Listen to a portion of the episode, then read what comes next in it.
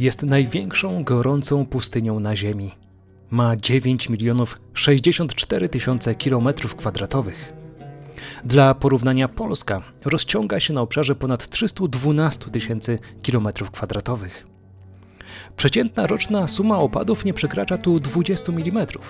W Polsce średnia roczna opadów wynosi około 600 mm. Mowa o Saharze. Kiedy o niej myślimy, przywołujemy obrazy bezmiaru piaszczystych wydm pozbawionych życia. Pejzaż Sahary w rzeczywistości jest bardziej różnorodny, ale skojarzenie z bezkresnym, piaszczystym pustkowiem jest jak najbardziej słuszne. Jednak czy zawsze tak było? Czy Sahara zawsze tak wyglądała? W tym odcinku poszukamy odpowiedzi na pytanie, jak to się stało, że Sahara jest pustynią.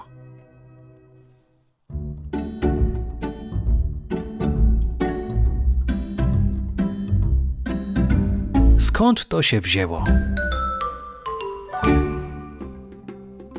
Rządni przygód europejscy odkrywcy, którzy tereny Sahary zaczęli eksplorować od XIX wieku, natrafili na niezwykłe malowidła skalne.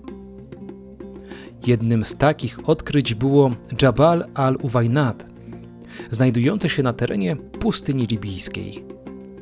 Odkryte tu malowidła przedstawiały elementy fauny, których na tym obszarze byśmy się nie spodziewali. Przed tysiącami lat ludzie namalowali słonie, żyrafy, antylopy, bydło, kozy. Jednym z najniezwyklejszych tego typu obiektów była odkryta w 1933 roku przez węgierskiego podróżnika Laszlo Almasiego jaskinia pływaków. Malowidła z tej jaskini przedstawiają postacie, które sprawiają wrażenie, jakby pływały w wodzie. I tu pojawia się pytanie: skąd obrazki pływających ludzi na bezkresnych, piaszczystych pustkowiach? Skąd bogata fauna i sceny polowań na terenach, na których najczęściej można spotkać jaszczurki, węże i skorpiony? Według naukowców jeszcze 8 tysięcy lat temu Sahara obfitowała w życie. Obfitowała nie jest tu bynajmniej przesadą. Przypominała sawannę porośniętą trawami i niskimi krzewami. Jej obszar przecinały sieci wielkich rzek. Znajdowały się tu również liczne jeziora. Przypuszczenia naukowców potwierdziły kolejne badania. Opublikowane przez NASA zdjęcia satelitarne ujawniły, że dobrze dziś znane afrykańskie jezioro Czad będące najważniejszym źródłem wody pitnej w tej części Afryki, jest zaledwie niewielką pozostałością ogromnego paleojeziora zajmującego niegdyś obszar 336 tysięcy km kwadratowych. Przypomnijmy, że obecnie jezioro Czad ma powierzchnię niespełna 1300 km kwadratowych i niestety cały czas się zmniejsza. Wielkość prehistorycznego jeziora można zatem porównać do Morza Kaspijskiego, jeżeli w tym momencie pomyślicie sobie wielkie morze na terenie Sahary, mega Chad, to trafiliście w dziesiątkę, bo tak właśnie to dawne jezioro zostało nazwane przez naukowców mega Chad. Ale to nie jedyne takie odkrycie. W 2007 roku Eman Goneim z Uniwersytetu w Bostonie podczas analizy zdjęć satelitarnych zwróciła uwagę na długi, ciemny obszar znajdujący się na terenie dzisiejszego Sudanu. Ciemna plama na zdjęciu satelitarnym oznacza mieszaninę żwiru i piasku, który kontrastuje z jasnym podłożem skalnym. A to z kolei sugeruje, że w tym miejscu przebiegała linia brzegowa. Wszystko wskazuje na to, że znajdowało się tu ogromne jezioro o powierzchni 30 750 km2. Eman Goneim zlokalizowała też potencjalne dopływy jeziora, na które składało się aż 9 rzek. Woda z tego jeziora najprawdopodobniej przeniknęła przez podłoże i mogła zasilić jeden z równie ciekawych obiektów, jakim są potężne magazyny wody, znajdujące się pod powierzchnią Sahary. Tak, pod powierzchnią największej pustyni świata znajduje się mnóstwo wody. Na te gigantyczne podziemne zbiorniki wodne natrafiono w 1953 roku przy okazji poszukiwania złóż ropy na terenie Libii. Dlaczego gigantyczne? ponieważ według niektórych szacunków mogą zabierać nawet 150 tysięcy kilometrów sześciennych wody. Wydaje się, że to dużo, prawda?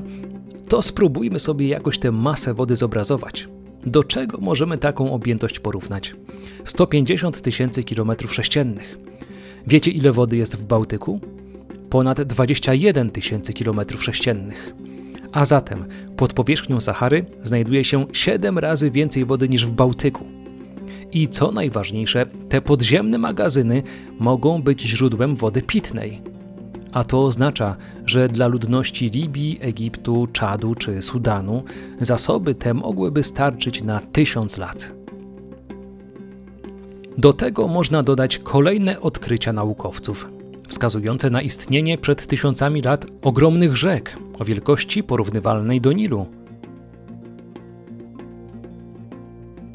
No dobrze, wiemy już, że 8 tysięcy lat temu tereny Sahary obfitowały w życie.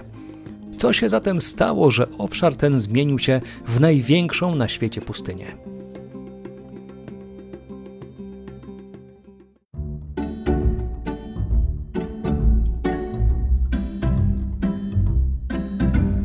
Skąd to się wzięło?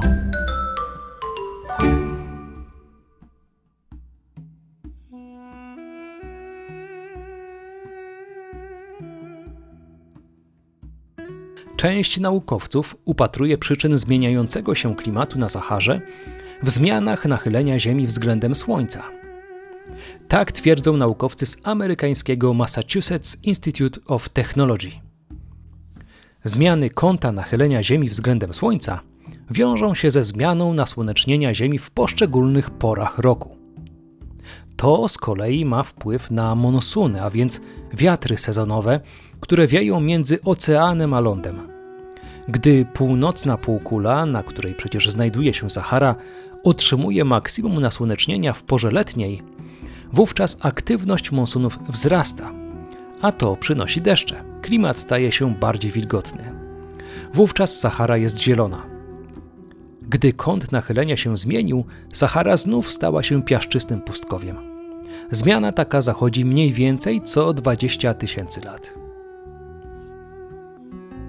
Inne badania przeprowadzili badacze z Królewskiego Holenderskiego Instytutu Badań Morskich oraz z Uniwersytetu w Bremie, którzy sprawdzali pył z Sahary, jaki osiadł na dnie Atlantyku.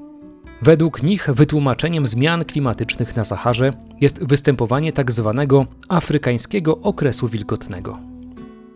Według ich badań w ciągu ostatnich 200 tysięcy lat okres ten występował trzykrotnie – Wówczas obszar Sahary był pokryty lasami, sawannami, występowały tu ogromne jeziora, teren był zamieszkany przez ludzi. Pierwszy z tych okresów trwał od 120 do 110 tysięcy lat temu. Drugi od 50 do 45 tysięcy lat temu. Ostatni od 10 do 8 tysięcy lat temu. Według badaczy kluczem do rozwiązania tej zagadki jest system prądów atlantyckich, zwany południkową cyrkulacją wymienną. Polega ona na wymianie ciepłej i zimnej wody w obrębie Atlantyku na kierunku północ-południe. Z prądem ogrzana woda po powierzchni wędruje na północ w stronę Arktyki. Tu się ochładza i zimna woda poprzez głębiny kierowana jest na południe. Tak wygląda ta cyrkulacja. Czyli upraszczając, górą idzie ciepła woda na północ, zimna dołem wraca na południe. Jednak siła tej cyrkulacji przez tysiąc lat się zmienia. Badacze odkryli, że w czasie, kiedy Afryka Północna była sucha, prąd był słabszy. Co zatem mogło osłabić południkową cyrkulację atlantycką? Badacze postawili hipotezę, że odpowiadał za to dopływ wody słodkiej w okolicach Arktyki. Gdy osłabła cyrkulacja, spadła temperatura wody przy powierzchni. To spowodowało wzmocnienie pasatów, a więc ciepłych wiatrów, które w strefie międzyzwrotnikowej wieją w kierunku równika. W efekcie deszcze monsunowe przesunęły się na południe, a teren Sahary zaczął się osuszać. Według tych badań okres wilgotny stanowił tak naprawdę chwilę, krótkie wytchnienie dla spieczonego obszaru Sahary. Za każdym razem towarzyszyły mu fale migracji ludzi z terenów Afryki na obszary Azji i Europy.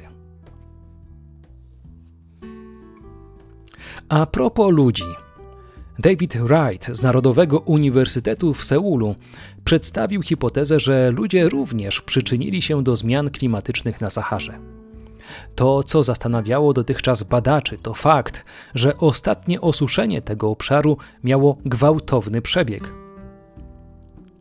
Jak wynika z ustaleń naukowców, 8 tysięcy lat temu na terenach nad Nilem zaczęło się rozwijać prymitywne rolnictwo. Z czasem ludy rolnicze zaczęły rozprzestrzeniać się na zachód, przekształcając tereny zielone w pola uprawne i pastwiska. Te procesy zaczęły wpływać na przyspieszenie zmian klimatycznych. Według Wrighta odpowiadał za to efekt albedo. Chodzi o zdolność odbijania światła słonecznego od powierzchni Ziemi, która jest wyższa w przypadku terenów nieporośniętych roślinnością. Efektem było nagrzewające się powietrze, które odepchnęło monsuny, a zatem zmniejszyła się suma opadów. W ten sposób działalność człowieka przyczyniła się do przyspieszenia zmian klimatycznych na Saharze. Na koniec możemy sobie zadać pytanie, czy Sahara może ponownie stać się zielona. Tak by wynikało z cyklicznych przemian klimatu, jakie występują na tym obszarze. Dużym znakiem zapytania jest jednak działalność człowieka, która może zaburzyć ten cykl. Nie wiemy, jak na niego wpłynie nadmierna emisja gazów cieplarnianych. Są też pomysły, aby sztucznie pomóc Saharze w zielenieniu. Miałaby tego dokonać budowa potężnej elektrowni solarnej i wiatrowej. Póki co jednak proces pustynnienia postępuje. Z wyliczeń naukowców wynika, że w ostatnim stuleciu obszar Sahary powiększył się o 10%. Pustynia pochłania między innymi wspomniane jezioro Czad. Te zmiany mają ogromny wpływ na ludzi zamieszkujących tereny Sahelu, którzy w wyniku zmian klimatycznych emigrują w poszukiwaniu korzystniejszych warunków do życia. Jednym z tych kierunków jest Europa.